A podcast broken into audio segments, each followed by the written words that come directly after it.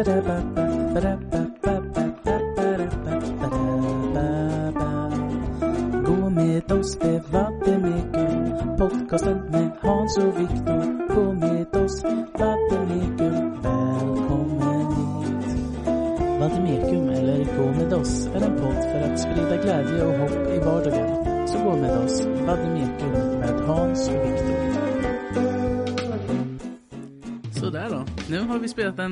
fantastiska jingeln som alla sitter och nynnar på i det stora rummet vi sitter i. Ja. Vi är tillbaka med en del två helt enkelt. Av människor... Vad kallar vi avsnittet på? Hans? Kommer du ihåg det? Eh, Jag minns inte det. Det är illa att vi inte minns vad de avsnitt Vi kan kolla upp det lite snabbt. I alla fall, det är en del två. Och vi har fantastiska gäster med oss. Som vi tycker är jättekul att de är här.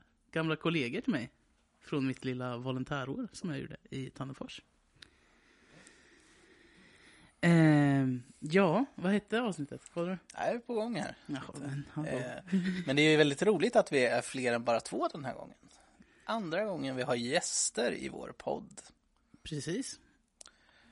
Det är Så också är det. roligt att det är del två nu på ett avsnitt som vi inte riktigt vet vilket. Så att det skulle kunna, egentligen skulle vi kunna dra det här åt vilket håll som helst. Exakt. Sen, ja. Människans sociala hälsa del två. Ja. Och då har vi två eminenta gäster med oss idag. De här ska vi hylla till skyarna. Ehm, jag tänker att ni får introducera er själva. Vem ni är och vad ni gör till vardags. Mm. Tack så mycket, vad roligt att få vara med i, i er podd och i ett inspelningsstudio här. Eh, Anders Fax heter jag och är eh, studentpräst i Linköping. Det är en ganska rolig titel som inte alla eh, har koll på vad det innebär. Ibland när jag har sagt det så frågar de så här, ja, när är du klar då? Frågar de, och tänker att jag är på väg att bli präst. Eh, Så då sa jag att det var 20 år sedan. Ehm, men ehm, studentpräst betyder att jag finns till för studenterna vid Linköpings universitet och för personalen också. Och ehm, så har jag också ett, ett, ett altare kan man säga och lite verksamhet i domkyrkan med en föreläsningsserie som jag är med och förbereder kring och ehm, lite mässor och dop och sånt för att hålla kvar prästhantverket typ. Mm. Så det är jag, studentpräst i Linköping. Fint. Mm. Vad är det bästa med ditt jobb? Det bästa är att det är så varierat och roligt och jag får eh, hjälpa människor i, på olika sätt. Så det är mycket samtal jag får ha, eh, själavårdande samtal och sen så får jag också spexa en hel del faktiskt. Eh, så det tänkte jag att det kanske man saknar när man har slutat jobba med ungdomar på läger och, och sånt där. För det är ändå roliga grejer man får göra där. Men studenterna är fulla med spex och, och påhitt. Så det är en blandning av väldigt seriöst. Vi får prata döden, vi pratar suicid och psykisk ohälsa där. Eh, och det gör jag ju i min roll som präst där och tillsammans med Frida också. Men sen så får man också vara med på spex och Münchenhoben och sånt som de hittar på. Så himla fett. Jag är inte alls avundsjuk. Vi måste ju också ställa eh, som en följdfråga, vad är den största utmaningen med att vara studentpräst? Alltså den största utmaningen är nog att eh, hitta, hitta rätt väg, att eh, komma fram, att, eh, att, att vara synlig och, och eh, känd. Alltså alla kanske vill, eh, det inte, jag menar inte att jag vill bli kändis, men, men ni förstår vad jag menar, att, att de eh, på Valla till exempel är ett jättestort campusområde och eh, där har vi ingen ingen större pedagogisk verksamhet som vi har på medicinska fakulteten. Där känner vi, all, nästan alla känner till oss där på Medfac. Men på, på de här stora eh, campus här vid Valla så är, det, så är det en plansch och kanske vår närvaro är inte lika tät. Och då, då är frågan så här så att, att de kanske skulle kunna ha glädje av oss fast inte ha en aning om att vi finns. Det är väl den utmaningen tycker jag. Och det här att, att inte vara i det egna rummet och de egna, alltså i kyrkan så är det jag som är värd kan man ju säga och jag har koll på många saker. På universitetet är det ju inte så. Men det ser jag inte som en svårighet utan snarare mycket möjligheter bara. Mm. Fint. Hörs det? Går det in bra? I Det hörs jättebra. Ja, bra. Annars eh, höjer jag det i mixern sen. Ja. Smart. Efteråt. Mm, vad bra. Ja, tack. Fint. Tack. Nästa gäst.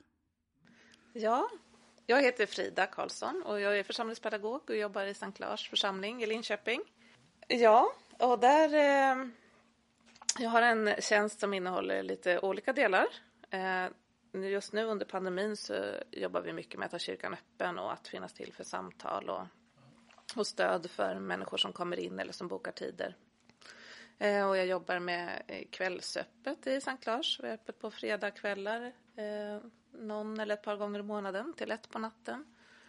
Och jobbar med lite pilgrimsgrupp och så. Sen jobbar jag tillsammans med Anders med det här projektet kring psykisk ohälsa och psykisk hälsa. Där vi jobbar med föreläsningar och utbildningar.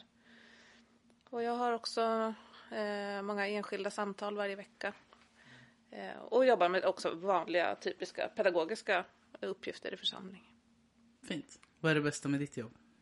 Åh, ja det är ju det är ju också variationen att det, att det finns så, så många möjligheter och så att det är så utvecklande hela tiden och den här mixen av många olika arbetsuppgifter. Det tycker jag är fantastiskt. Det är det bästa. Fint. Och den största utmaningen? Största utmaningen tror jag är att göra goda, för min del är att göra goda prioriteringar. Jag tycker att det är svårt eh, att prioritera.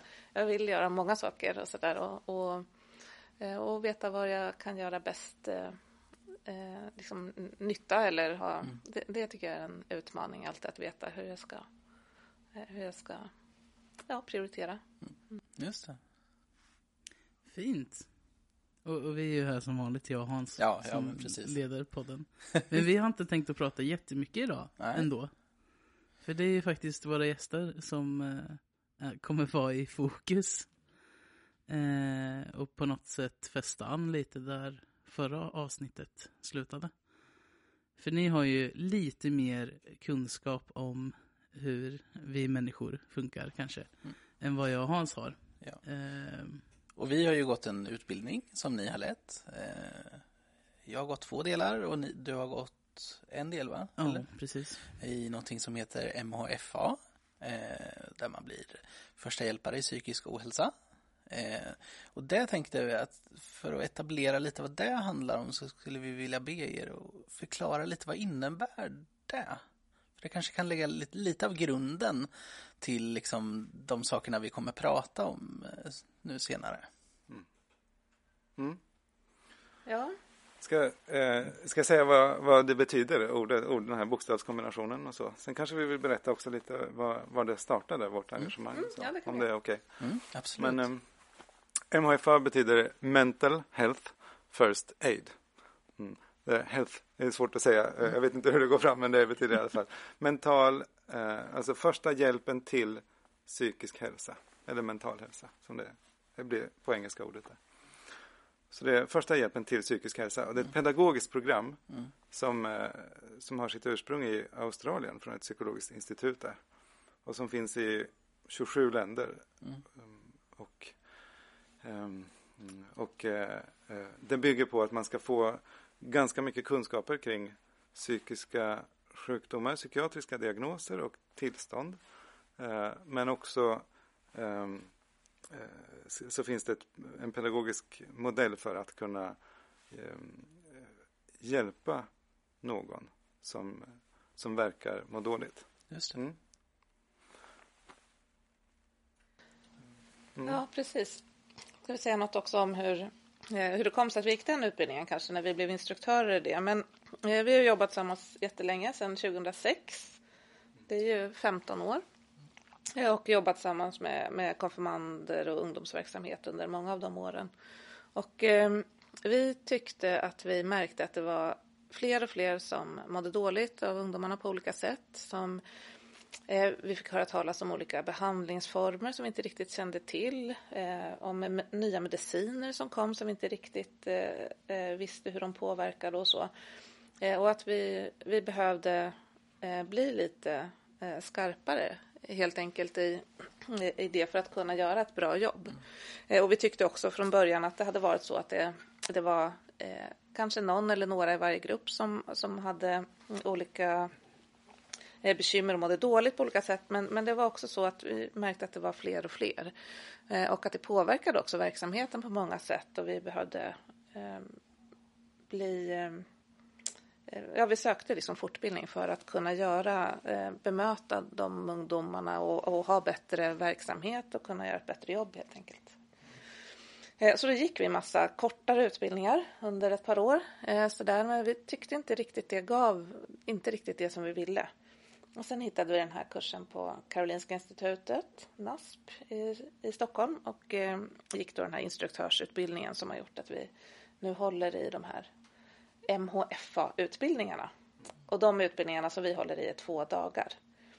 Eh, så det gör vi för att eh, utbilda och fortbilda eh, personal både eh, inom eh, Svenska kyrkan men också eh, på andra arbetsplatser och så och på universitetet. Och utöver det så har vi också andra typer av föreläsningar och kortare utbildningar som vi håller. Mm. Och eh, till er lyssnare så kan jag säga att eh, som har deltagit i dessa kurser eh, så kan det låta som att, ja, vadå två dagar liksom? Alltså, man är ganska trött efter dessa två dagar. Det är liksom, de är ju verkligen fullpackade. Eh, inte bara med information som ni förmedlar utan även liksom när man diskuterar tillsammans, man reflekterar, man lär sig de här då eh, olika formerna för bemötande och uppfångande liksom. Eh, det tar mycket på en. Ja, så är det verkligen. Ja. Det gör det. Och det är också så att, att de allra flesta känner också igen sig i någon del. De, de allra flesta människor har ju upplevt någon form av eh, psykisk ohälsa, eh, ohälsa eller psykiska besvär någon gång i livet. Och att, eh, eh, och att känna igen sig i någon av de här olika delarna, det är ju väldigt vanligt. Det gör de flesta och det kan också vara eh, göra att man blir, eh, att man funderar mycket på sitt eget och det man står i och man delar det med andra och sådär. Så att det är vanligt mm. att man blir trött också. Mm. Mm. Precis. Och det, det, är ganska vanligt också vid de här utbildningarna att man, man kan få en, förstå, en ny förståelse mm. för någonting som man har levt med länge. Alltså till, ja, men min, min mamma hade, hade ju det precis det här. Mm. Det var precis i de här när man listar kriterierna för någonting så kan man ju säga att ja, men så var det ju. Mm. Och, så får, och då, då sätter ju också en väldig process igång att man vill bearbeta, tänker mycket på, mm. på de relationer man har och det, det man har levt med. Till exempel. Mm. Så kan det vara. Och det, mm. så man får ju en, en ny kunskap och en ny, eh, ja, det kan, det kan drabba en samtidigt mm. personligen. Och det är också så att utbildningen blir ett forum för där det kanske är första gången som man berättar om sina egna erfarenheter. Mm. Att man kan ha burit mycket eller ha egna erfarenheter från sin uppväxt eller från de relationer man har nu och så har man inte eh, riktigt eh, pratat om det.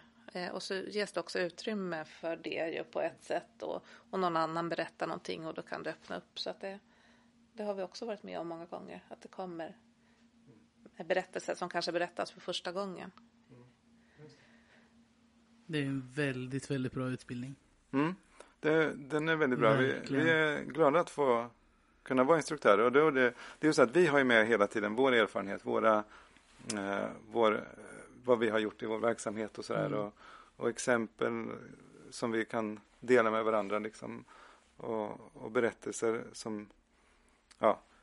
Men, men, det, men det är ju hela tiden en det, ibland säger man att det är evidensbaserad kunskap som vi också står för. Det betyder ju att, man, att det är de uppgifter och fakta om, om till exempel depression och hur, hur det, vilken medicinering som funkar. Allt det där bygger på internationell forskning. Så det är inte någonting som vi står och, och killgissar eller tjejgissar, om man nu ska vara. Mm.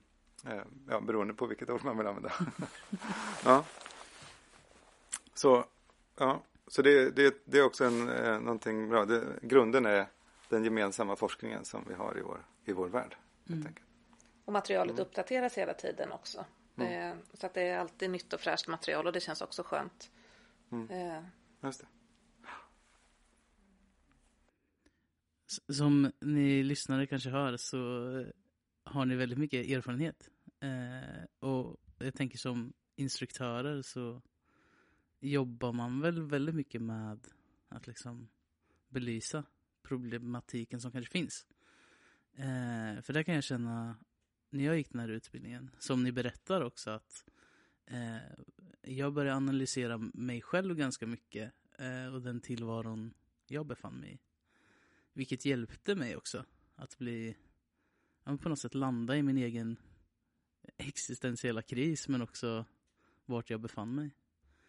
Så det är en enorm eh, kraft att kunna ha med sig det. Eh, dels hjälpa sig själv men också andra. Eh, så det, jag är glad över att ha er här. Alltså. Ja, det är roligt att du säger det också, för jag tänker på med, i, precis i, när man presenterar den här utbildningen, när vi gör det, så säger vi alltid att det här är inte en, en, en, liksom en terapigrupp för, eller för den egna bearbetningen.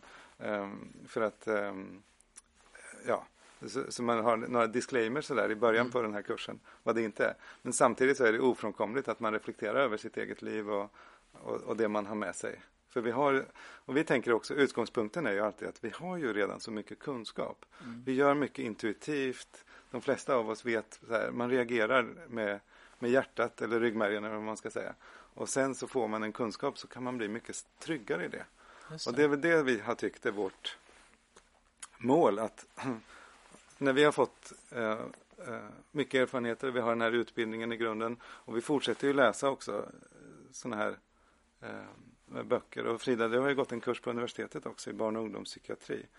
Um, och så, för att bara bli stärkta och, och mer stabila i det här. Mm. Och sen så blir vår, vår uppgift tycker vi är att, att kunna eh, hjälpa till att göra också andra tryggare i de pedagogiska situationerna i mötet. Och så. så vi är inte heller psykiater, alltså vi är inte Eh, vi har ingen behandling eller så. Så där, på det sättet så är inte vi eh, i den fulla kompetensen. Men, men vi, det finns ett sånt, sånt gott eh, material i MHFA och vi har mycket erfarenhet. Så, så vi tänker att, och det har hjälpt oss mycket mm. med att bli tryggare i mötet. Att våga stå kvar, att våga finnas i det allra svåraste. Mm. Det tänker jag som deltagare då, mottagare av det, det som ni leder, att, att liksom jag som präst har i många samtal innan dess eh, liksom haft lite svårt, var går gränsen för när man behöver lämna över, när man behöver lämna vidare. Men jag upplevde att det blev med de här kurserna, eh, att, att liksom jag har fått lättare i det, liksom, att inse mina egna begränsningar också. Eh, samtidigt som jag också har lättare att kanske identifiera när någonting inte är så himla bra, där när det måste gå förbi andlig själavård liksom till att kanske behövs psykoterapi, psykologhjälp, psykiatri liksom. Eh, och att man kan då få vara en conduit, eh, en, en, en förmedlare liksom av, av, av liksom vägen som kanske behöver vandras. Eh, det har blivit lättare tycker jag i alla fall. Jag tänker att vi ska hoppa in i en kort jingel och sen gå vidare lite på hur ehm, ja, men, uh, vad, som, vad, vad det kan finnas för olika faktorer som kanske gör att man mår lite sämre än andra och uh, hur vi kanske kan hjälpa varandra att faktiskt må bättre och bemöta det här tunga som faktiskt livet också innebär i vissa tider. Så vi hoppar in i jingeln och perfekt. sen så hörs vi snart.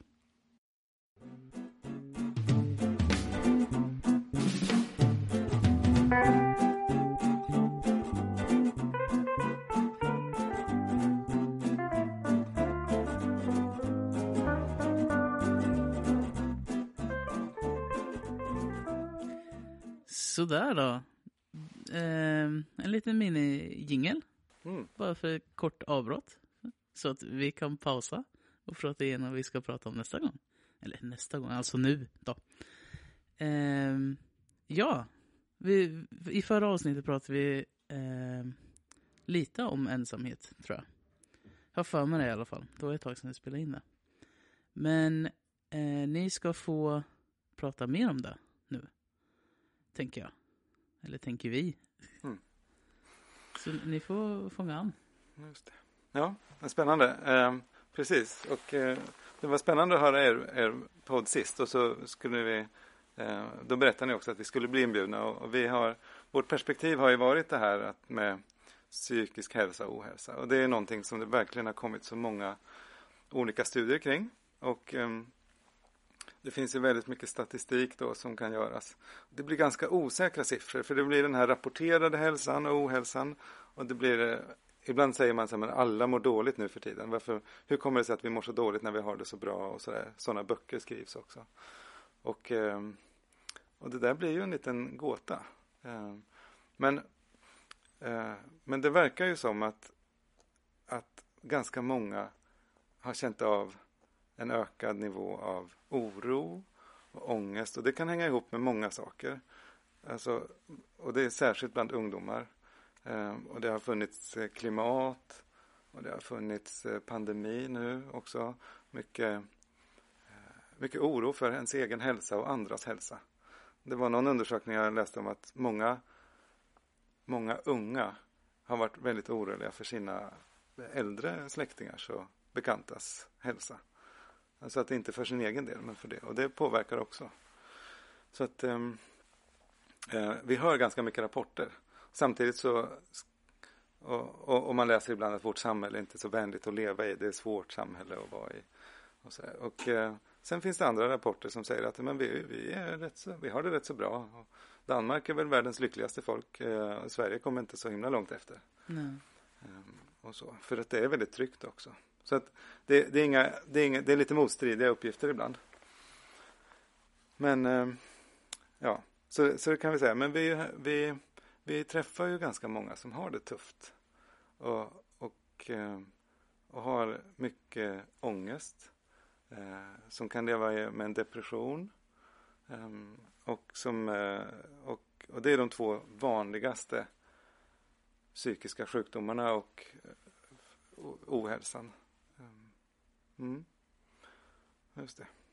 Så, men sen finns det också det här, alltså det, det som vi, när vi pratar i, i med, med människor så har vi också ett annat perspektiv och det är det här existentiella perspektivet mm. som, som kanske inte är vårdens språk. Men så vi tänker att eh, eh, det är vår glädje att kunna försöka hitta ett, ett språk och en, en brygga mellan eh, det psykologins språk Eh, kyrkans traditionella språk. Och mm. där har vi mycket och där, tror, där märker vi också att det händer mycket kring just språket kring existentiell hälsa. Där man kan prata om meningsfullhet, hopp, ehm, förundran, framtidstro och en personlig tro. Och, eh, och så. Den personliga tron behöver inte nödvändigtvis vara en av religiös karaktär utan det kan vara att man tror på, eh, tror på livet och framtiden. Och mm. Men att man är ändå har, tror på någonting som är mer än bara mitt. Liksom. Och där tror jag, där kan man se en knut ibland tror jag att, att, att man när man har väldigt mycket psykisk ohälsa så känner man sig ofta väldigt ensam och har svårt att se sig i sitt sammanhang. Eh, och så. Mm. Men jag, jag, tänker också att det är så att vi Eh, att det finns, det som är hoppfullt tycker jag, det är att vi, för tio år sedan sa vi hela tiden så vi måste prata mer om psykisk ohälsa, vi måste prata mer om psykisk ohälsa och det har vi gjort nu i, i tio år sedan. Men nu vet vi också mycket mer. Vi vet faktiskt, det finns ändå så pass många saker som är beforskat nu och som, eh, där vi faktiskt vet på många sätt vad som gör att en människa kan få bättre förutsättningar att kunna må bra. Och det är det vi ska ta tillvara på nu. Eh, alltså när vi faktiskt har kunnat, vi har kunnat kartlägga ganska mycket. Vi vet vad, på många sätt vet vi vad människor behöver och vi ser var bristerna finns. Och då har vi också möjligheter att göra nu ganska stora insatser. Och vi har möjlighet att jobba preventivt på ett annat, på ett annat sätt, tänker jag, än vad vi hade förr, när vi inte riktigt visste eh, så mycket. Eh, så det tycker jag är väldigt hoppfullt och eh, i det här arbetet också.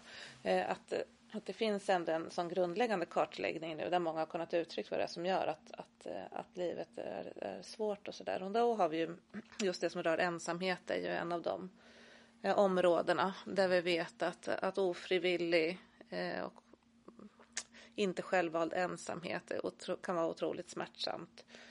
Eh, och det har ju blivit verkligen nu i samband med pandemin så, så kan vi ju se att det såklart har ju blivit ett ännu större Ehm, eh, problem faktiskt för många människor. Isolering, ensamhet, eh, att sitta, att inte ha någon att dela sina eh, tankar med, att inte ha någon att prata med, att inte eh, eh, att kanske också känna en existentiell ensamhet, att känna att ingen förstår mig och eh, ingen vill förstå mig och ingen kan förstå mig. Eh, och, och, det är där också som det också faktiskt kan utvecklas till, till tänker jag, till psykisk ohälsa och att det också kan bli leda vidare till, ja, till psykisk sjukdom och till eh, väldigt svåra eh, tankar och, och, och, tankar på att inte orka leva eh, sitt liv eller vilja leva sitt liv längre. Så ensamhet tycker jag är någonting som vi alltid ska prata mycket mer om, vad vi kan göra för att bryta ensamheten. För att det är så många som verkligen är ensamma och känner eh, sig ensamma. Och där har ju vi också som kyrka en jättestor en möjlighet. Eh, och det har vi alltid haft. Vi har alltid erbjudit mycket, alltså många former av gemenskaper och sådär. Eh, och nu är det svårare i pandemin. Men att våga gå in i det och prata. Och det är också, jag tänker ensamhet handlar också, det är ett av de områdena som också är lite eh, tabubelagt. Eh, det är några saker vi tycker är jobbigt att blotta för andra och att visa eh, vår sårbarhet i. Och det, mm. det är svårt att berätta att man är ensam att jag är ensam, att jag känner mig ensam, att, att inte att jag inte har så där många som ni andra kanske tror att jag har runt omkring mig, utan mm. att jag är ensam. Det är väldigt det är smärtsamt och svårt och, och man blir också väldigt sårbar i det. Jag och en kollega pratade ganska mycket om det där eh, för en vecka sedan när vi var nere på herrgården här i Ryd centrum där det är många internationella studenter som eh, hänger och pluggar och sådär. Eh, och på något sätt kom vi in på att vi svenskar är ju väldigt liksom individualistiska. Vi, vi pratar inte jättemycket om att ja, men, kanske stora sammanhang och liksom ja, men vi flyttar hemifrån så snabbt vi kan. Eh, och vår farmor och farfar bor på eh, vårdboende någonstans. Och liksom, medan de här internationella studenterna kommer från ett sammanhang där det är liksom familjen hela tiden och det är ett community och, och det är ett mycket större vi-tänk.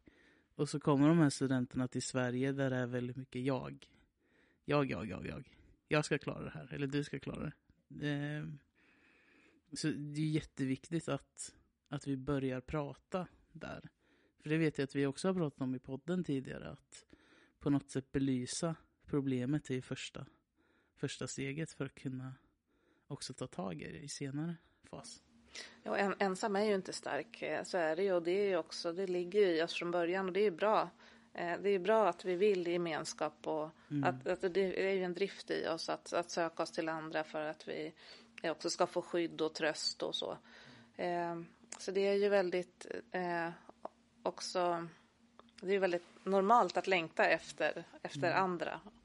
Att inte Ja, som sagt, ensam är stark, det är inte, jag tror inte på det. Vi behöver varandra och, och måste också våga blotta det för ja, varandra. Mm. Men då tänker jag på en fråga. Är mitt mående och min ensamhet bara mitt eget ansvar? Vad säger ni om jag ställer den frågan till er? Nej, jag tycker verkligen inte det. Ja, du var på väg Anders, fortsätt. Nej, nej. Uh, nej, nej, det är verkligen inte så. Vi, uh, det finns, uh, vi, som jag sa precis innan det här att vi, jag tänker att vi, vi hör ihop med varandra, vi människor och så, och att vi behöver varandra och finnas för varandra. och det är inte så att vi ska ha, jag tänker att vi inte har hela ansvaret för vårt liv själva. Vi har det, det vi har det liksom tillsammans det ligger inte, och framförallt är det ju så att om man börjar må dåligt så är det ju också väldigt vanligt att kraften försvinner. Eh, och då att också lägga över ansvaret på en människa att själv eh, kunna, alltid kunna bryta sin situation, det är svårt att göra det. Eh, det. det. är klart att det finns många saker som, som man kan göra själv för att, eh, för att som kan vara hjälpsamma för en, som kan göra att man... Men, men ansvaret ligger inte hos var och en, utan det är fint det här att vara beroende av varandra. Jag tycker det, jag älskar att, att tänka kring det och prata om det. Det är fint att vara beroende av varandra. Och vi tänker beroende på det sättet att vi behöver varandra. Mm. Det är ju också att, att våga blotta sig och att våga ta, ta varandra till hjälp och att leva livet tillsammans. Det är verkligen, jag tycker det är, det är grunden för, för mänskligt liv. Att vi ska vi, vi, ska vara tillsammans och vi ska hjälpa varandra att orka leva våra liv och att, att glädjas tillsammans och att bära varandra när vi har det svårt. Att trösta varandra, att mm. lindra, mm. att, att vara det, det är ju att vara människa. Men jag har en följdfråga där då. eh, alltså till er båda. Eh, alltså hur vet man då att det man känner att det är på riktigt med psykisk ohälsa, med ensamhet? Det är ju abstrakta känslor, alltså det, det, är ju, det hör ju hemma i det abstrakta, det hör ju hemma i det inre liksom. Men hur vet den som mår dåligt att det är på riktigt? Mm. Jättebra fråga. Jag, tänker att, att eh, det vet man inte alltid. Eh, kanske inte förrän man eh, får, faktiskt får prata om det. För det ofta när man när man mår dåligt så kan det vara många saker. Jag tänker så här, det är ganska vanligt bland ungdomar som kanske har ganska låg självkänsla till exempel, om man har det. Jag tänker, och kanske har, har, mår dåligt och tänker att men jag, jag behövs inte här och det är ingen idé. Då kan ju det bli så att man drar sig undan lite grann eh, från, från gemenskap och tänker att man tar inte för sig socialt. Och då, då blir man lite svårare att få med också.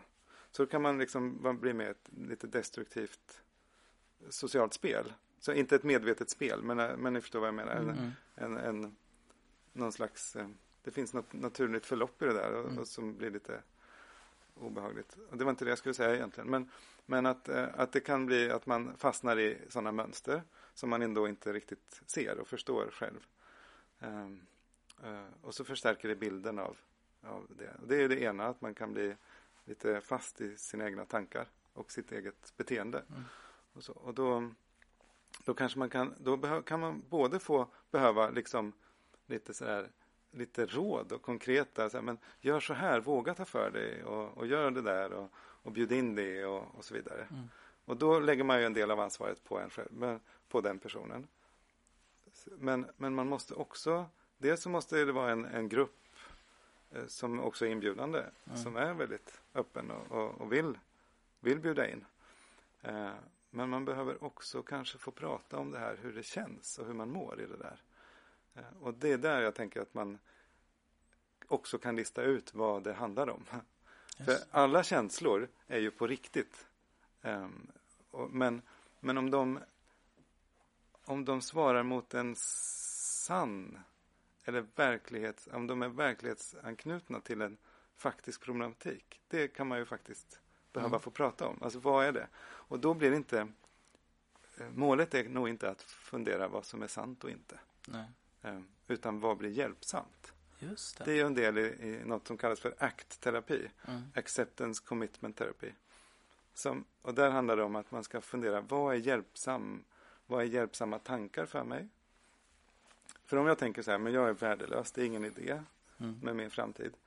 Eh, då hjälper det inte att, kanske att, att även om en välmenande person säger så här, ja men du är jättevärdefull och du är viktig och du har en bra framtid. Eh, det kommer att studsa som, liksom, eh, på, eh, ja, som teflon. Eh, eller som vatten på en gås eller vad man säger. Eh, och, men, men däremot att få prata om det och sen fundera så här, men vart vill du?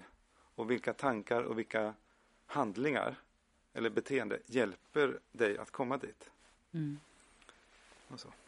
Det var inte riktigt vad det, men du var, Nej, din fråga var så här, grunden var, alltså hur vet jag? Ja. Och ibland är det så också att man kan fundera, tänker jag på nu Frida också, att, att fundera, när, när påverkar det mitt liv och hur påverkar de här ja. tankarna mitt liv?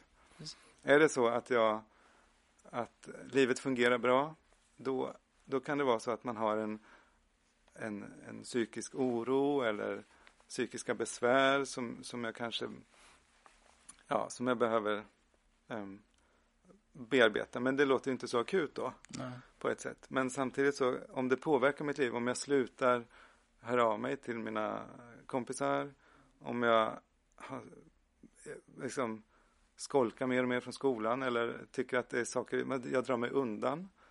Då är det någonting som man behöver ta på allvar. Mm. För då är det också så att då, det där sånt beteende och sådana handlingar förstärker det här destruktiva. Till skillnad då från de här andra handlingarna som att faktiskt men jag tvingar mig att göra det, tvingar mig, men att jag, jag gör det där fast jag inte är sugen nu. Mm. Jag går på den där festen, mm, inte nu pandemitider, men normalt. så jag går på den fast jag egentligen känner bara, jag känner lite ångest när jag ska dit. Men jag gör det för att det är sån jag vill vara. Mm. Alltså som, som, som är med i det sociala. Då ska jag göra saker som leder fram dit. Mm. Precis, och det är alltid det där när man, när vi, att jämföra sig med andra är ju inte heller hjälpsamt för att vi har så olika, vi är ju så olika från början och sådär, utan man behöver ju se till, till hur det var, alltså hur var jag när jag kände att jag mådde bra? Eh, hur var jag då? Eh, och har det hänt någonting nu som gör att jag inte längre kan göra det som jag önskar eller vill eller behöver i livet? Alltså har jag blivit begränsad?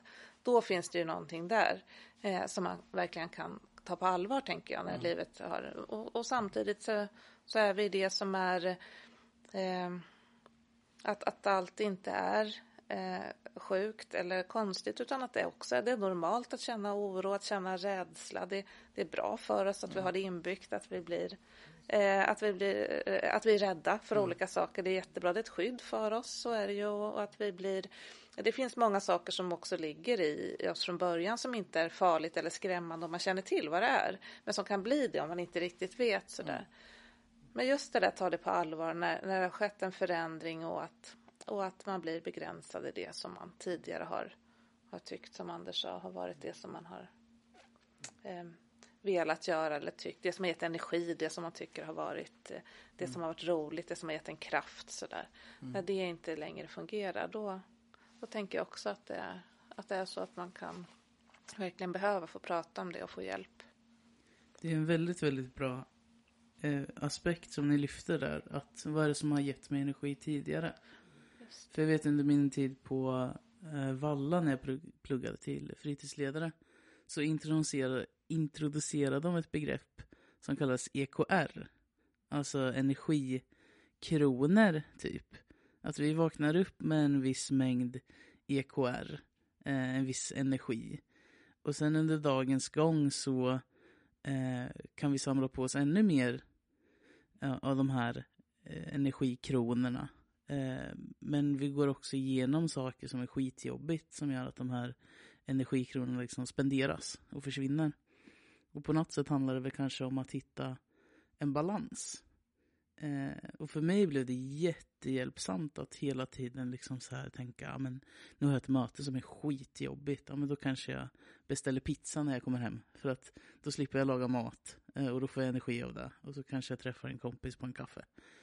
Eh, det blir liksom, för mig blev det jättelätt då att på något sätt tänka kring min existentiella hälsa och liksom hur mitt mående är under en dag. För vi kommer ju alltid på något sätt möta svårigheter. Hur härligt livet än är. Jo, eh, och jag är med på det, här med modeller och allting liksom. Men jag tänker, vi har ju alla här i den här studion jobbat med konfirmander. Mm. Och då är man inne i en av de absolut jobbigaste perioderna i sitt liv. Liksom. Det är hormoner eh, upp på väggarna liksom. och man är ensammast i världen eh, i sitt inre. Det är ingen som någonsin har känt som jag. Eh, alla är ungefär som Billie Eilish, liksom, hennes djupa texter. Liksom.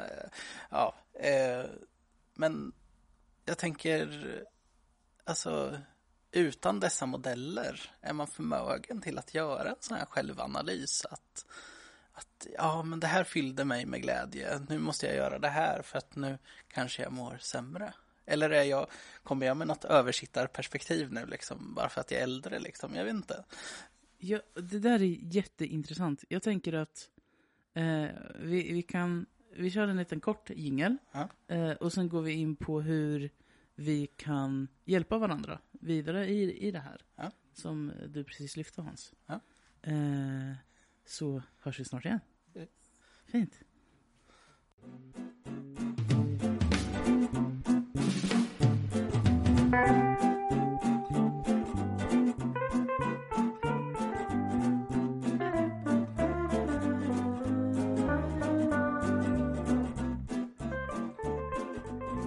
Man sjunger med i jingeln för att se så att ljudet funkar, då vet man att eh, ljudet krånglar. Är vi med allihopa nu? Jajamän. Det är vi. Jag tror det. Anders, vill du säga någonting? Ja, gärna. Eh, är det för ett ljudtest för din skull nu eller är det för att vi börjar Nej, det är för att vi sändningen? börjar. Ja, okej. Vad bra. Det var en så spännande fråga här vi kom in på ju. Hans, du pratade om konfirmander och så. Det har, eh, ja, Frida och jag har jobbat i många år med det då, sen, sen 2006. Och ehm, eh, vi har under alla år mm, också haft enskilda samtal med alla konfirmander. Mm. Och det har varit väldigt betydelsefullt för oss. Alltså ett, ett enskilt samtal i början av året och ibland också i slutet av året om Mm. vi har sjungit det på, på eh, sådär. Eh, Av mer utv- utvärderande karaktär kanske. Men i början så är det för att vi ska lära känna ungdomen. Och då så säger vi, vi frågar om livet. Vi, vi försöker förstå hur, hur, är, hur är ditt liv, din familj, vänner, vad, vad finns runt omkring dig. Mm. Och sen så också pratar vi om, eh, om skolan. Jag brukar fråga ganska rakt så här, är du duktig i skolan? Då får man ju också en ganska bra känsla för om de faktiskt trivs och, och om man har lätt för sig i, i det sammanhanget. För det kan betyda att man också kanske har, om man inte har det så kan det betyda att man kommer in med lite dålig självkänsla och sådär. Så det, det är aldrig en sån här dömande fråga men en, en helt öppen. Sen frågar vi också om, om det finns eh, moln på himlen, om det finns, alltså finns det saker som man är orolig för eller Mm. som får en att inte må bra. Och vad som ger energi i livet. Precis som det vi pratade om också innan. Alltså vad, vilka, eh, din bild var ju fin där med eh, Viktor där med energikronor som ni hade på folkhögskolan. Men alltså vad, vad, ger, vad ger energi? Vad är gott i, i ditt liv? Mm. Mm? Och vad är det lust att leva? Ja, just det. Precis. Och det, det gav oss väldigt mycket eh, inför ett konfirmandår. Dels för, för vår skull, att vi kunde förstå också så här, men det här, det här är den det här är de individerna i den grupp vi har och det, då vet vi lite mm, eh, vi behöver inte göra så många misstag om vi vet att någon kanske tycker det är jobbigt att vara i stor grupp till exempel. Då ska vi inte pressa så mycket. Ja, lär känna. Men också för ungdomen att eh, det var, det var inte så sällan vi hörde att men det här var roligt. Eh, eller det här var något, det här har jag aldrig gjort. Mm, och det kändes bra. Och sådär. Att vi, hade, de fick lära känna oss också, bli trygga med oss. Mm. Men också att bli trygga med att prata om livet. Prata om det här existentiella, mm, prata om mående. Och att för en del som en del märkte vi också ha- hade rikt språk kring det. Mm. Och det är en fördel att ha det. För det ger oss också en lättare att bearbeta det. Och för andra kanske det var första gången och, och fick upptäcka ett språk kring, kring måendet och en kommunikation kring det. Det blir också som en övning då att, att eh, ha, pratat med någon och om man senare i livet skulle behöva gå i samtal eller sådär så vet man också någonting om vad det skulle kunna vara. Hur det är att prata med en annan vuxen till exempel om man fortfarande är tonåring. Att våga, att våga göra det. Eh, Sådär. Så det, det har också känts lite som en förberedelse för att, att kunna ha fortsatta samtal eh, senare i livet om man behöver. Att, att veta någonting om vad det kan vara. Men det är ju någonting som vi är väldigt duktiga på i kyrkan. Att ge oss själva ett språk men också andra kanske i, i vår kontext. Sen slänger vi oss ganska ofta med kyrkiska, eh, med liksom kyrkliga ord som eh, vi förstår men kanske andra inte förstår. Men jag, jag tror att det, det är viktigt där ni nämner liksom att språket som väldigt många konfirmander kanske får genom konfirmandtiden. Eh, det bär man med sig resten. Ja, och man får också öva sig i att formulera sig och så kring hur det känns, vad man tycker och, och också hur man mår och så. Det är, är väldigt bra att få göra det också högt. Att få, för att det underlättar också sen när man behöver kanske senare i livet berätta hur man har eller hur man mår och sådär. Att, att, eh, ha börjat hitta ett språk för det. För det är inte så lätt eh, att göra det om man aldrig pratar om det riktigt. Så det, det är också viktigt att eh, att försöka hitta sina formuleringar och, och när man pratar med någon annan så kan man också få hjälp av, eller när man sitter i grupp och får hjälp av andras formuleringar och så. Till att kunna, det gör det lite lättare också. Ja.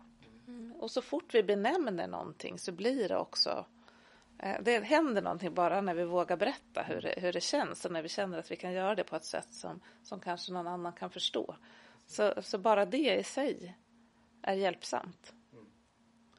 Att kunna benämna den rätta känslan, alltså det som är det, det, det hjälper i sig. Ja. Så är det. Och, eh, och det kan då göra att det är lättare. Att om, man, om man får säga någonting som är en riktigt smärtsam knut som man kanske har burit på själv. Så, kan man lä- så lägger man det liksom lite utanför sig. Eller mellan sig själv och den man pratar med. Där är det just då. Mm. Så det kan lätta. Eh, och sen också så är det i, I samtal så kan det vara viktigt, alltså vi, pratade, vi började ju prata om ensamhet och då tänker jag att det här kan också göra att, att, att, få, att få prata med någon som lyssnar kan göra att känslan av den här existentiella ensamheten, att jag är ensam med mina tankar Mm.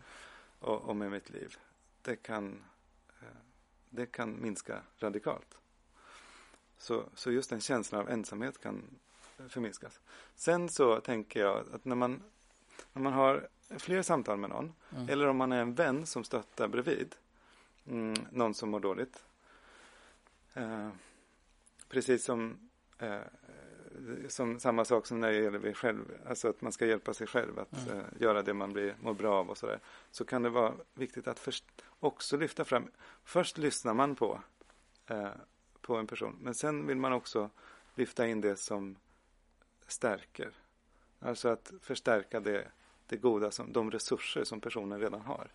För det är inte så att jag, när jag pratar med någon, så är det inte så att nu, nu ska jag lösa din knut. Eller nu är det jag som, ska- nu, nu ska jag ge dig allt jag har och då kommer du att gå härifrån mycket starkare. Mm. Eh, för att det är, det är hela tiden den personen själv som måste hitta sina resurser. Och det kan vara kanske då min, min uppgift. Som Mm.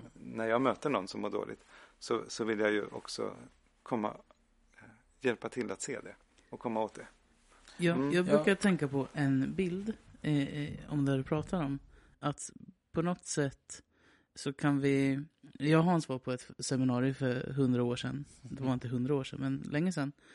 Eh, där föreläsaren pratade om att vi kan berätta om, om vägen och den här stigen, men eh, de måste själv vandra den. Oavsett vad, vad det handlar om. Eh, och det var också en så här fin bild. Men, men hur kan vi hjälpa? Jag tänker en fråga, en öppen fråga nu egentligen till alla oss i rummet och kanske lyssnar också. Hur, hur vi kan hjälpa varandra att hitta det här språket. Eh, finns det någon enkel lösning? Absolut. Det finns alltid enkla lösningar på komplicerade problem. som, som, som man kan sen eh, bara eh, säga det där var bullshit. Men, nej, men jag, vi, vi, den, den, den första stora grejen är ju faktiskt att man lyssnar och står ut med det man hör. Det, den stora faran är ju faktiskt man, jag, vi brukar ju säga också så här, men man ska inte vara så rädd. Man kan, man kan säga, göra lite misstag och så här. Man kan, när- om man om någon berättar om sitt så kan man ju säga något tokigt. Mm. Men då kan man alltid ta tillbaka det och säga förlåt, det var inte så jag menade. Jag märkte att du blev ledsen av det jag sa. Eh, jag vill ju här, finnas här för dig. Eh, så. Alltså man kan eh, liksom eh, hit, åter, ja, skapa balansen i relationen på något sätt, Om man säger. Men, eh, eh, men, men om man, om man bara trycker till någon som har öppnat sig lite, visat sig sårbar som Frida pratade om i början också. Det här, eh, om man pratar om ensamheten och sen så får man, om man upplever då att man får skit för det eller att man blir hånad, då, då det är det värsta man kan göra. Då blir man ju, då, det är då vi tystnar. Det är ju sånt som förstärker skamkänslan eller tystnadskulturen. Och då sitter vi där ensamma igen.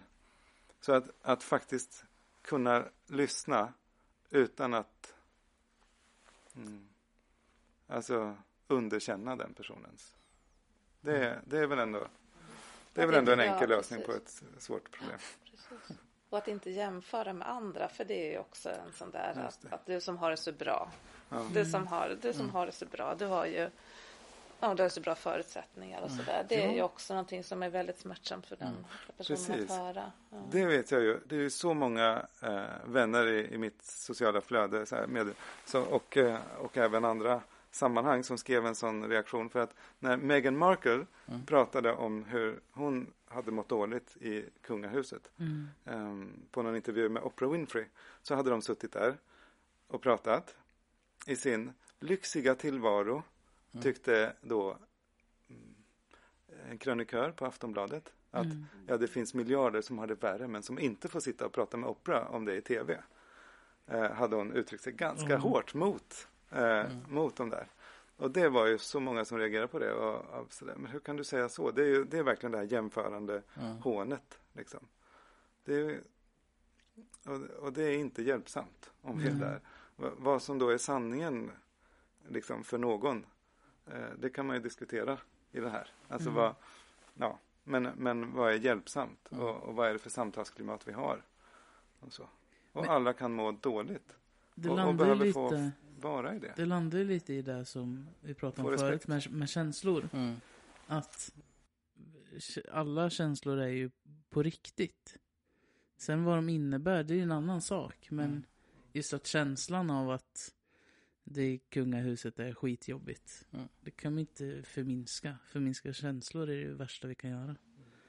Ja, för då blir det ju också, det kan ju också faktiskt, i förlängningen kan det också leda till att man faktiskt blir tveksam till om det man känner är rätt eller om det är på riktigt. Mm. Och då blir man väldigt, väldigt, eh, det blir en väldigt, eh, det är väldigt svårt om man eh, jag tänker också, ja, nu blir det kanske lite sidospår, men jag tänker att ett, ett barn som säger så här att jag är hungrig och så säger en vuxen så här, nej men du kan inte vara hungrig, du åt ju precis. Mm. Eh, och, och så tänker barnet så här, jaha, men jag känner mig hungrig, men nej, jag är nog inte hungrig. Så här. Eller om det handlar om, du kan inte vara trött, eller du kan, alltså, när man tar ifrån någonting och så där, så skapas det också en oro om faktiskt det som jag känner är rätt eller på riktigt eller om man ska säga så. Och det tycker jag också och jag går in i det när vi pratar om, om eh, att också bekräfta andra människors känslor och sådär. För att, för att om vi bryta ensamheten så som sagt det här med lyssnande som är så otroligt viktigt. Att, att lyssna och att lyssna länge kanske, att stå ut med att det blir tyst. Eh, Att, eh, att sitta ett samtal där det är en lång tystnad betyder inte att det inte finns någonting mer att säga. Det betyder kanske att man behöver få tid att formulera sig. Kanske för första gången man ska formulera sig om någonting svårt eller smärtsamt. Men att också det som sen kommer att få bli bekräftade det i de känslorna. Att oavsett hur det är runt omkring och oavsett att jämföra med andra, för det är inte alls relevant. Liksom, utan att bekräfta, det, jag tycker det gör väldigt stor skillnad. Eh, att det faktiskt är på riktigt. Jag, jag tänker på en bild kring detta eh, som jag läste i någon lärobok någonstans. Hur man är en stödjare eller stöttare. Då var det ett stort hjärta eh, som hade jättestora öron och jättestora ögon. Men en mun som var liksom bara som ett pyttelitet streck liksom. Eh, den, den ni berättar eh, landar för mig i den bilden liksom. Att, att liksom att det här att stå ut, stå kvar liksom och liksom lyssna, se personen. Men, men snacka inte så mycket liksom. Även om det är okej att säga saker men, men ta inte över. Precis. Ja. Men det är ju så. Jag tycker det att tänka liksom att vi, att vi hjälps åt att leva våra liv. Vi lever våra liv tillsammans, vi hjälps åt och sådär. Och ibland så får vi eh, bära varandra, ibland behöver vi bli burna, ibland får vi trösta varandra, ibland behöver vi tröst och så. Att det är så. Det är så det är att vara människa och det är så det också ska vara. Eh, Och att våga eh, att våga bli buren eller få kraft av någon annan också. Att släppa det och att sen i perioder när man själv känner sig stark och kan ge också hjälpa andra människor i, i deras liv och sådär. Och, och, och då tycker jag också en av de sakerna handlar också om att vara den som orkar då ta initiativen. Eh, för att det är lätt, det många ungdomar berättar om det och de kan säga så här att ja, men, ja, men jag vet att det är många som säger att att ja, men jag finns där om du behöver mig och det är bara att du ringer och sådär. Och så bara, men det är det jag inte orkar. Orkar inte på eget initiativ och sådär. Utan de behöver, de som är runt om eh, och som har kraft behöver vara de som också tar initiativen. Det är de, alltså att ringa, att fråga hur är det, vill du följa med, kan vi göra så här? Alltså så försöka liksom att påminna om vi brukar säga att påminna om skäl att leva eller att det som ger kraft och, och, och känner man varandra så kanske man också vet faktiskt vad, vad en människa brukar tycka om eller bli glad av eller så. Och att också använda sig av det då. Eh, om, om man känner till det, alltså där, att försöka vara, att, att lyfta det och att eh, eh, påminna om det. Jag tänker att vi ska försöka knyta ihop säcken lite. Hans eh, ler jättestort mot mig och ville säga någonting kanske. Ja, men jag, jag vill säga en sak lite det här med olika nivåer. Jag tänker hur, av att må dåligt av att vara ensam. Jag tänker ibland så har vi den mest sociala personen Eh, i rummet som på något sätt kanske har en självupplevelse av att den är den mest ensamma personen. Och sen har vi den vi ser som aldrig är med någon men som inte alls upplever sig som ensam. För mig gör det så svårt detta med ensamhet liksom. Eh, allra helst i att förhålla mig till andras personers ensamhet. Eh, är det något ni har, några tankar kring? Liksom? Finns det olika, alltså fler sätt att vrida på det liksom? Det kanske finns mängder sätt men Ja, att vara, ja, ja precis. Men att vara själv behöver inte betyda att, mm. att man känner sig ensam. Så mm. är det ju. Det, det, är ju många som trivs väldigt bra med att vara, ja. alltså vara, att vara själv eller i fred eller ja. så där. Så är det ju. Men, men en, en ensamhet som, eh, som skulle kunna hänga ihop med, med något också faktiskt sjukdomstillstånd eller så där. För det är ju så att vi till exempel vid depressionssjukdom eller så där så kan det ju vara så att att känslan av ensamhet blir enormt stor mm. eh, och tar väldigt, liksom, upptar väldigt mycket. Eh, och eh, och, och då, då blir det någonting annat. Men det är ju... För no, menar du Hans, här, hur, hur kan jag se utifrån vad det är för typ av ensamhet? Ja, men lite, lite åt det hållet kanske. Mm. Eller det kanske är oviktigt eh, egentligen. Men, men jag tänker för våra lyssnare eh, som lyssnar på vårt samtal idag, liksom att, att liksom eh, är ensamhet bara ett stort block liksom. Det är nog det jag är ute efter liksom. Eller är det som ett prisma snarare liksom. Eh, som landar olika på olika platser. Eller olika män i olika människor. Ja, så tänker jag absolut att det är. Att det, är, det det ser väldigt olika ut och det gör också olika saker med oss människor. Ja. Eh, och absolut, det är helt... Eh... Ja, verkligen. Jag tänker på den här... Um, ja.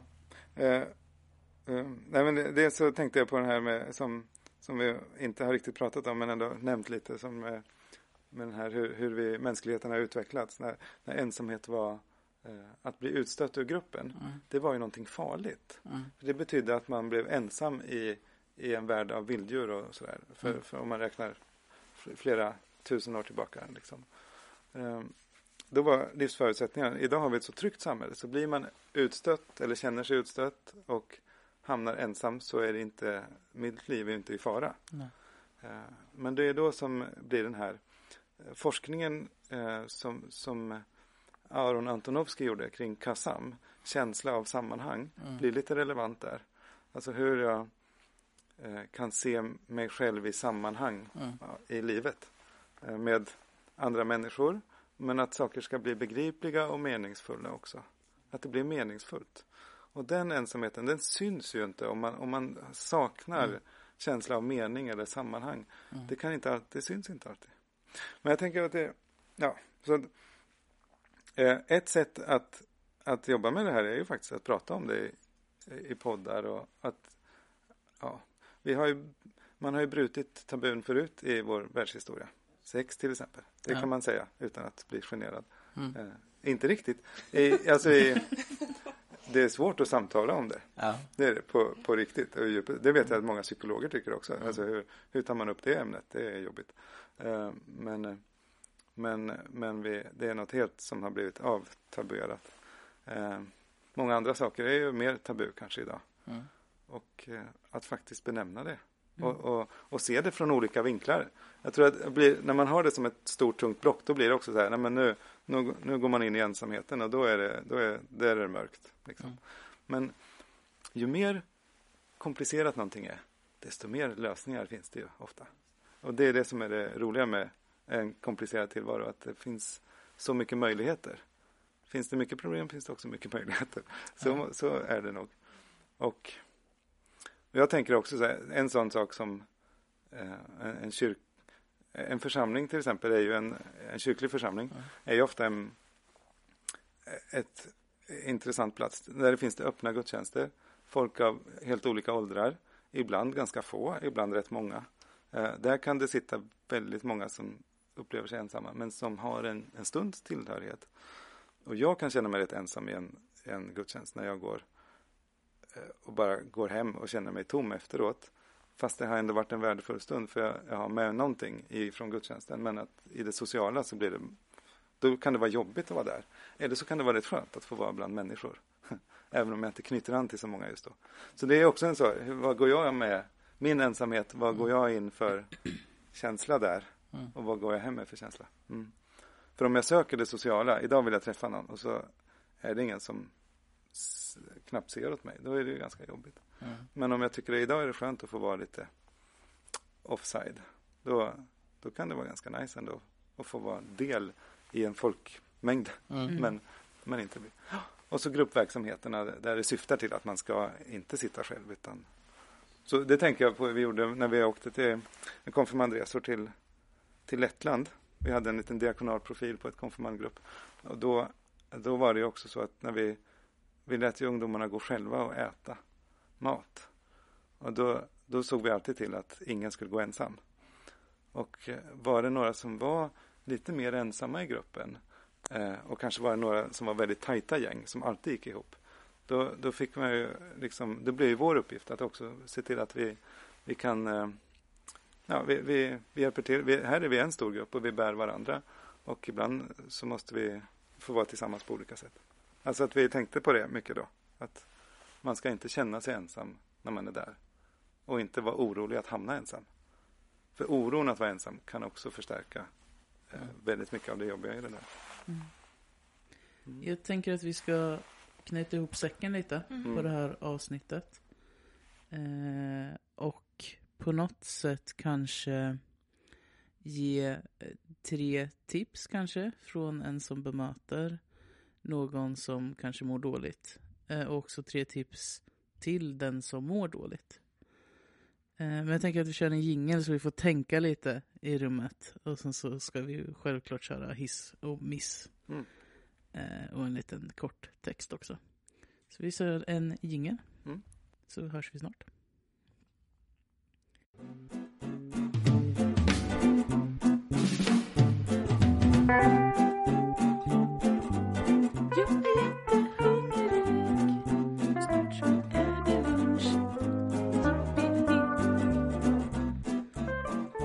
Spontansång där i jingeln. Ja, tycker här- jag är kul. Det är gött.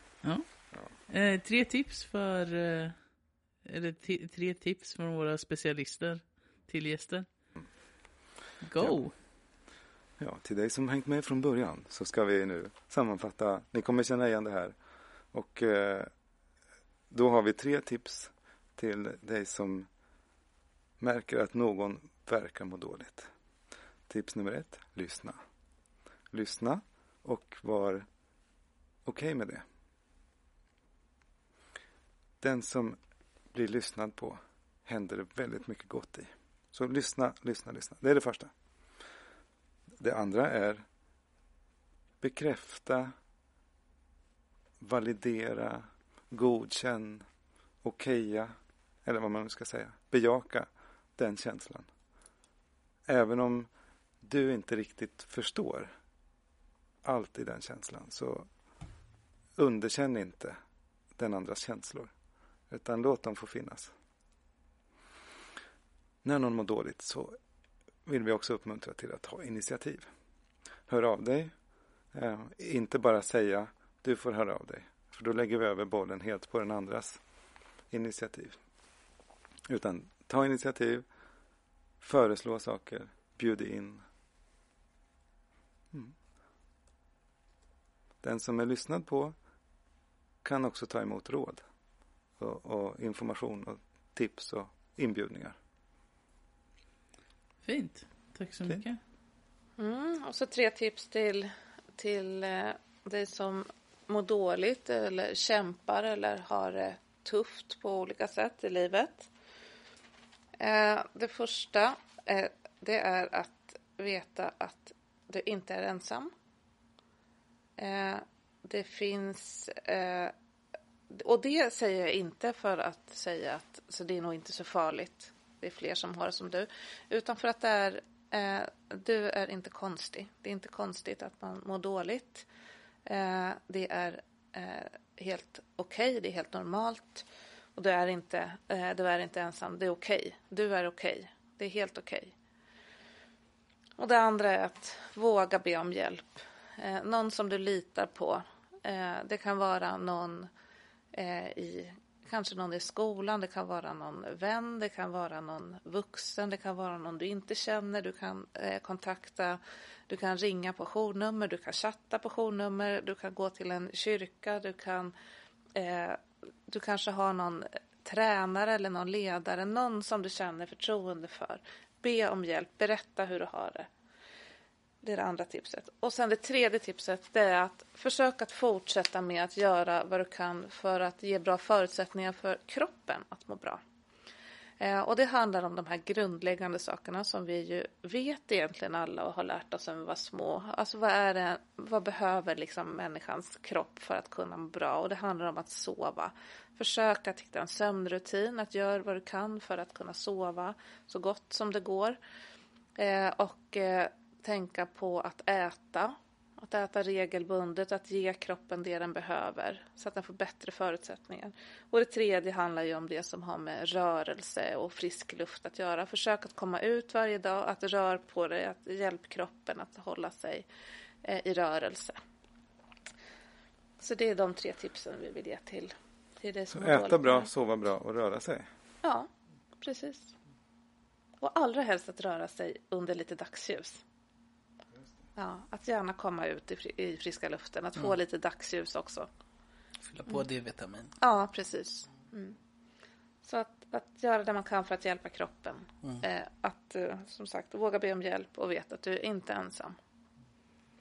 Superbra. Och mega tack för all input och all kunskap ni sitter inne på. Mm. Tack för det här trevliga samtalet och, och vad roligt att vi har fått komma till er coola podd som, som vi har fått, som ni har börjat. Sju avsnitt är det här. Det är, det är sjunde avsnittet. Sjunde avsnitt, ja, mm. fantastiskt. Det är en magisk siffra också. Mm. Så himla Absolut. passande. Mm. Ja, tack så mycket. Det har ju varit jätteroligt. Vi ska ha ett sista segment också. Ja. Med hiss och miss. Just, Just det. Kan inte du instruera oss alltså, genom att göra Ja, och så överlämnar vi ja, till våra gäster. Göra med rörelser? Och... Nej! Ja, nej, ja, nej. Ja. Det poddar också ja, med rörelser. Ja, precis. Ja, precis. Och då får jag äntligen göra den här dansen jag har ju tjatat om sen jag kom. Mm. kan du få göra sen i outrot. Ja, precis. Ja, nej, kör Viktors. Eh, hiss och miss är ett segment, segment som vi introducerar i första avsnittet, vad tror jag. Mm. Eh, kring eh, ja, men lite dagsform eller någonting som eh, vi har burit med oss en tidigare eller kanske som ligger framför oss. Någonting som vi vill hissa, någonting som är bra, någonting som är så här, extra nice eh, som vi har varit med om. Och missen kan vara allt från någonting som man totalt ogillar extremt mycket eller någonting som man helst bara vill missa och vill att kanske ska försvinna. Eh, så jag kan väl börja då. Eh, min hiss är... Jag har två hissar, tror jag faktiskt. Dels att eh, ni har varit här idag, våra fantastiska gäster. För det har jag sett fram emot jättelänge. Eh, och sen ser jag också fram emot en kommande gäst som ska vara med. Eh, vi vet inte riktigt när. Eh, men det blir väl någon gång efter när det har lugnat ner sig i pandemitider. Mm. För den här gästen är uppe i Stockholm och är verksam. Mer om det kommer någon annan gång. Eh, och missen blir väl kanske eh, att man inte kan träffa vem man vill, när man vill, hur man vill i den tiden vi, vi lever i. Det tycker jag är tråkigt. Men eh, det kommer ju ett ljus. Eh, ljuset lyser i mörkret. Så är det. Mm. Ja. Tack. Ja. Ska jag, nu ska jag ha en, en eh, min hiss är ju eh, det mänskliga psyket. För alltså så otroligt vilken kraft det finns eh, i, i, i oss människor. Att, att hantera så mycket svårigheter och så. Och eh, jag har ju träffat också, man har också förstått genom historien hur, hur otroligt mycket lidande en människa kan gå igenom och ändå kunna må bra eller klara av sitt liv och sådär. Så det, det mänskliga psyket är ju en, helt klart en stark hiss. Och min eh, miss är det mänskliga psyket. För att jag tycker att det är också så här, jag vet ju också hur det är med mig själv, jag går till mig själv, jag tänker man kan fastna i sina loopar och bara tycka att allt är, alltså det, man fastnar i det här dåliga måendet och sådär. Det har jag också träffat många som bara, om jag vill bara bort från mig själv liksom, att slippa tänka alla de här jobbiga tankarna. Och då är det också mänskliga psyket som man skulle vilja bara få eh, missa ett tag. Och det är givetvis ingen möjlig görning, men det är ändå, eh, ibland är det, stökar det till för oss. Så att eh, det är min miss och hiss är samma. Ja. Tack så mycket. Tack. Mm. Ja, jag vill börja med missen då. Och, och, och, min miss är den här föreställningen om att tänka att alla andra har det så bra och mår så bra. Eh, och har... Eh, alla andra är så lyckliga. Och de har, alltså de har det så fint hemma och de har säkert en snygg båt också någonstans eller något sånt där. Och så har de många vänner och sen så är de alltid eh, välkammade och sådär. Den här liksom, det här sneglandet på, på andras yta. Eh, sådär, det är min hiss. Och det är ju, jag vet ju att inte det är sant liksom. Men det är ändå smärtsamt att vara i det där och det här jämförandet mellan människor och så. Det tror jag ställer till det. Och min hiss, det är hoppet. Alltså det finns så mycket godhet i världen. Det finns så många, det finns så mycket vänliga, eh, omsorgsfulla handlingar hela tiden eh, runt omkring oss i, i, i allt. Eh, så är det verkligen så. Det, det finns eh, så mycket gott eh, och det finns så många människor som vill så, så väl eh, och som bryr sig om andra. Och eh, ja, ja, det är verkligen hoppet. Det, är, eh, det kommer bli bra. Det blir bra liksom.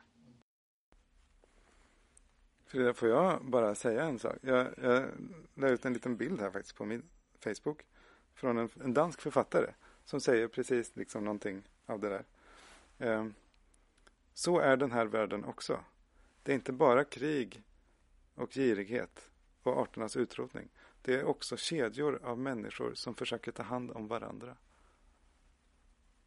Det är så. Så fint. Mm. Ja, det är verkligen. Det är Peter Hög ja. som skriver så. Ja. Jag det trodde att du skulle ja, börja prata danska som... där ett tag. Ja. Det är, det är också människor som försöker ta hand om varandra. nej, ja. nej, men det är hoppet. Ja, det, är, hopp. verkligen, ja, det, är, det är hoppet. Och det är, ja, det är fantastiskt. Ja. Mm. Det är fint. Hans? Mm. Eh, jag vill som hiss eh, hissa psalmboken.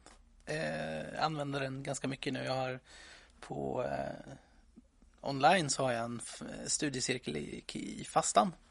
Eh, och då använder vi psalmboken vid varje tillfälle. Läser texter, ber böner, pratar om fastan. Eh, men jag tycker psalmboken, är, jag har återvänt till den mycket för den, det finns fina sånger. Det finns fina psalmer, det finns fina texter som både går att sjunga och läsa.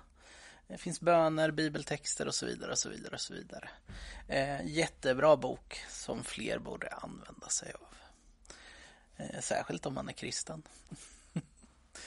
Eh, min miss är att eh, jag kör bil för mycket. Jag fick en eh, tankeställare efter att ha haft bilen inne på verkstad och blir tvungen att cykla till jobbet och inse att jag håller på att dö av ansträngning av att cykla till jobbet. Mm. Ehm, så min miss är att jag ska nog köra lite mindre bil och cykla lite mer. Välkommen till klubben Hans. Yes. Cykla i minus 15. Ja. yes. Ja. Det låter bra. Ja. Mm. Och vara lite mer miljövänlig också kanske på köpet. Det är jättefint. Ja. Vi ska avsluta med en liten eh, text eller bön. Vi eller läser, jag tänker vi, vi hoppar fram till femte söndagen mm. i fastan och eh, läser dagens bön som jag tycker passar bra med tanke på det vi har diskuterat idag. Försoningens Gud, vi tackar dig som sände din son för att rädda världen. Av din kärlek lever vi. Omslut oss med barmhärtighet och hjälp oss att ta emot din nåd. I Jesu namn. Amen. Tack så mycket för det här avsnittet och tack alla ni som har lyssnat hela avsnittet. Det är ett väldigt långt avsnitt. Det blev en timme och en kvart. Eh, väldigt innehållsrikt. Eh, tack återigen att ni kunde komma hit. Tack. Anders Det var en glädje. Ja, tack för att vi fick komma. Tack så mycket. Eh, vi kommer nog bjuda in er fler gånger till det här tror jag.